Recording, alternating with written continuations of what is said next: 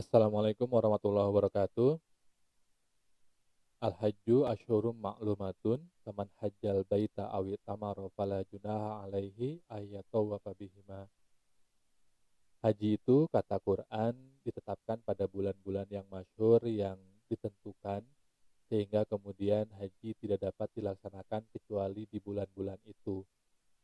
Dan biasanya proses pelaksanaan ibadah hajinya uh, dibuat demikian rupa sehingga memungkinkan para jemaah yang kebanyakan datang dari jauh-jauh untuk bisa melaksanakan tidak hanya ibadah haji yang pokok tetapi juga umroh tawaf sunat, ziarah ke situs-situs bersejarah misalkan uh, hingga kemudian melaksanakan sunnah arba'in di uh, Madinah. Sehingga kemudian proses ibadah haji biasanya sudah dimulai ketika memasuki bulan uh, Zulqa'dah dan baru selesai uh, ketika memasuki awal-awal bulan Muharram. Walaupun hajinya sendiri itu terjadi di bulan Zulhijjah. Nah, tapi dari obrolan tentang haji, hal yang menarik adalah pertanyaan eh, apakah sebetulnya masyarakat Arab pra-Islam juga melaksanakan haji. Kalau misalkan mereka melaksanakan haji, kira-kira seperti apa haji yang mereka laksanakan? Kenapa pertanyaan ini menggelitik? Karena pertama, haji adalah rukun Islam yang nomor lima yang sifatnya sangat khusus karena tidak semua muslim diwajibkan tetapi hanya muslim yang memiliki privilege katakanlah istato'a ilaihi sabila kemampuan atau kekuasaan tidak hanya kesehatan tetapi juga finansial untuk melaksanakan ibadah haji tersebut. Kedua, karena ibadah haji ini erat kaitannya dengan syariatnya Nabi Ibrahim. Sebagaimana kita tahu Nabi Ibrahim adalah uh, bapaknya para nabi dan nabi yang kemudian membangun Ka'bah. Walaupun ada beberapa perbedaan pendapat. Ada yang bilang Nabi Ibrahim lah yang pertama kali membangun Ka'bah, ada yang bilang Nabi Ibrahim itu membangun kembali Ka'bah. Karena Ka'bah dibangun pertama kali oleh malaikat, kemudian dibangun lagi oleh Nabi Adam dan kemudian tersapu ketika banjir Nabi Nuh dan dibangun kembali oleh Nabi Ibrahim. Tetapi bagaimanapun cerita yang benar yang terjadi, tetapi yang jelas Nabi Ibrahim diabadikan dalam Quran sebagai sosok yang membangun atau membangun kembali uh, Ka'bah. Dan uh, dari sana kemudian men, uh, apa ya istilahnya melaksanakan syariat haji.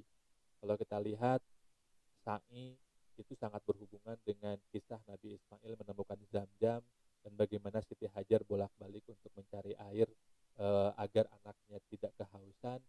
Kalau kita lihat syariat e, dalam haji, e, wajib haji melontar jumroh itu juga berhubungan dengan kisah e, Nabi Ibrahim melempari setan ketika akan melaksanakan e, pengorbanan Nabi Ismail yang kemudian diganti oleh oleh kambing dan bahkan kurbannya sendiri walaupun tidak menjadi bagian integral dari ibadah haji tetapi menjadi bagian ibadah sunnah yang dilaksanakan hari-hari uh, Idul Adha maupun di hari-hari tasyriknya sendiri.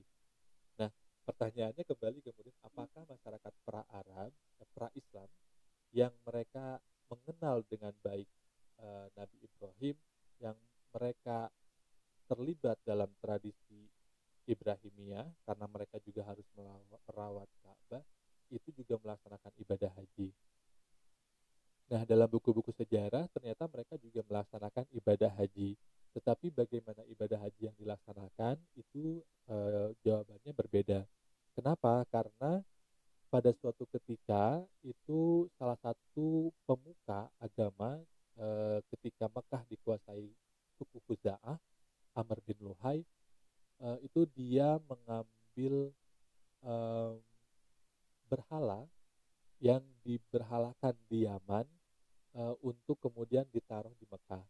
Jadi Amr bin Luhai ini suatu ketika pergi ke Yaman, kemudian dia melihat orang-orang Yaman menyembah patung, dan dia berpikir bahwa Yaman ini adalah negerinya para nabi, therefore orang Yaman pasti benar melakukan sesuatu, dan dia mengadopsi itu tanpa melakukan kritisasi. Sehingga kemudian eh, orang-orang Arab juga menyembah berhala.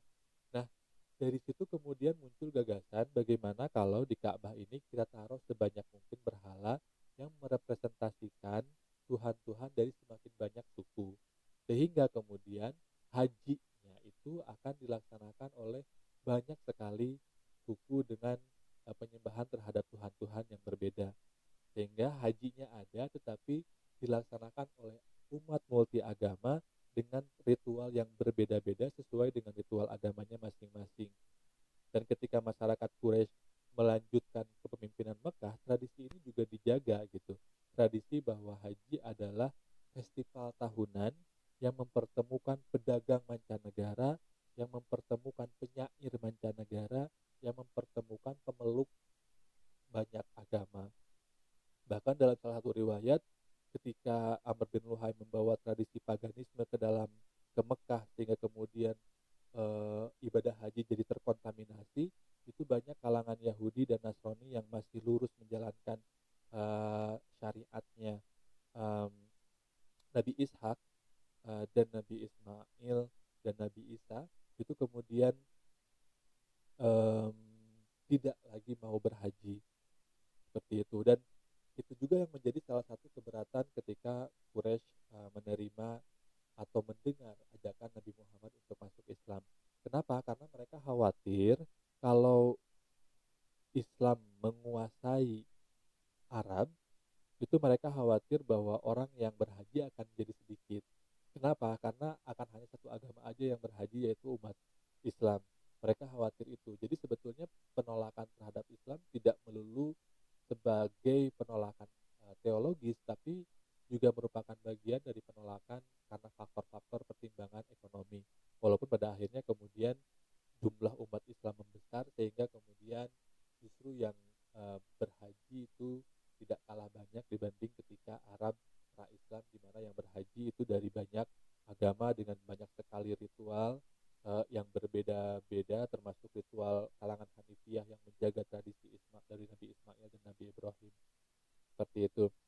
itu menjawab bagaimana sebetulnya Islam memurnikan kembali syariat haji yang dilaksanakan juga oleh Nabi Ibrahim dan Nabi Ismail setelah sebelumnya kemudian terkontaminasi akibat masuknya tradisi paganisme yang dibawa oleh Amr bin Luhai ketika Mekah dikuasai suku Khuza'ah. Demikian podcast kali ini. Wabillahi muwaffiq ila